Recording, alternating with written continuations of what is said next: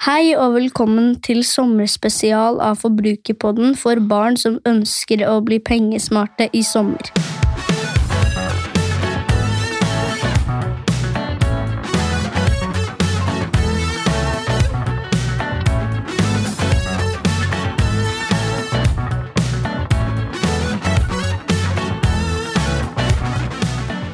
Velkommen tilbake til studio, Iver. Takk. Du, Det er så fint. Vi, du og jeg er jo superteam i Forbrukerpodden nå i sommer. Og de episodene her, sånn som du sa så fint i innledningen, er jo lagd for barn som kanskje hører på sammen med foreldrene sine. Barn som ønsker å bli pengesmarte i sommer. Mm. Hva betyr det å være pengesmart, egentlig? At um, du, eh, du kan litt økonomi og får det inni hodet. Og så ehm, blir du enda flinkere på det, da. Det er liksom målet vårt. Ikke sant? At barn skal få lyst til å lære mer om økonomi. Ja, det var så godt sagt, Iver. De får noe kunnskap inni hodet og får lyst til å lære mer. Og så snakker vi om noen ord som, man, som er typiske sånn økonomiord, og så snakker vi litt om noen ting vi gjør hjemme i vår familie. Sant? Og i dag så har vi lyst til å snakke litt om forbruk og bærekraft. Oi, det var to vanskelige ord. Forbruk, det betyr egentlig bare hva vi bruker penger på. Hva vi bruker fra hver eneste dag, eller hver uke, eller hver måned. Hva vi bruker penger på. Hva kan eksempel på forbruk være? Vi bruker penger på mat og klær. Ja.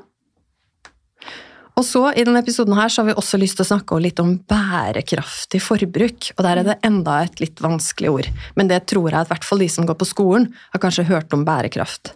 I hvert fall de som går i tredje klasse. Ikke sant? Sånn som du. Men hvordan kan vi ha et bærekraftig forbruk hvis vi snakker om mat? da? Hva kan vi gjøre? Og hva kan de som hører på, gjøre for å leve mer bærekraftig?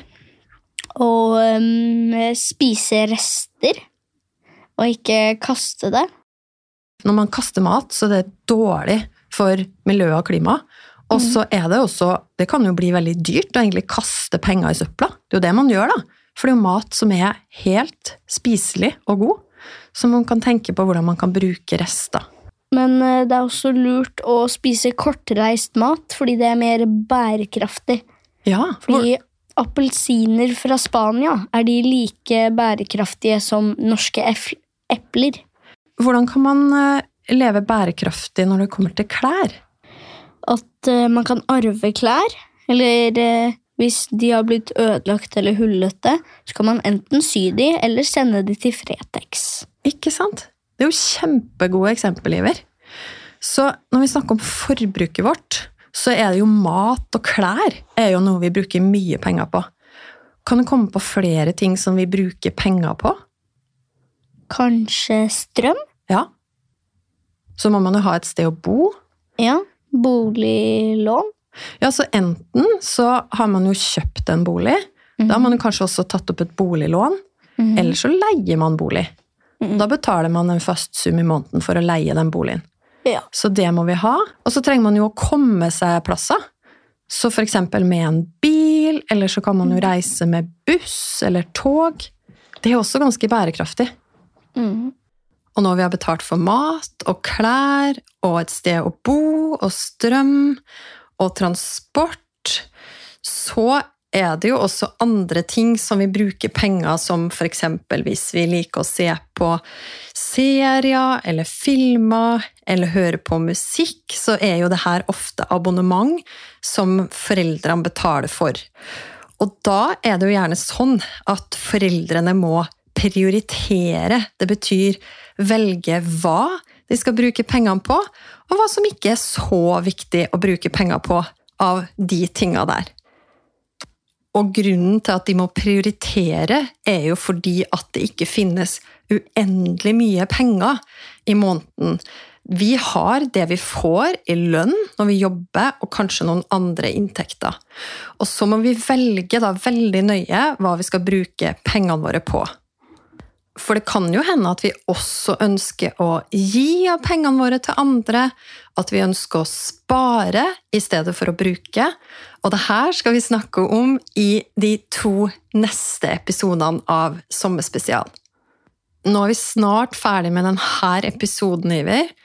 Har du ett siste tips når det gjelder forbruk, eller hvordan man kan leve bærekraftig? Resirkulere. Ja. Det er mye bedre med pant, fordi hvis de bare hadde gjort det to kroner billigere i stedet for å få to kroner pant, da hadde jo alle bare kasta det i plastemballasje når de var ferdig. Men eh, hvis det koster to kroner mer, og du får to kroner tilbake i pant, da vil jo folk pante det. Ja, så det er veldig smart.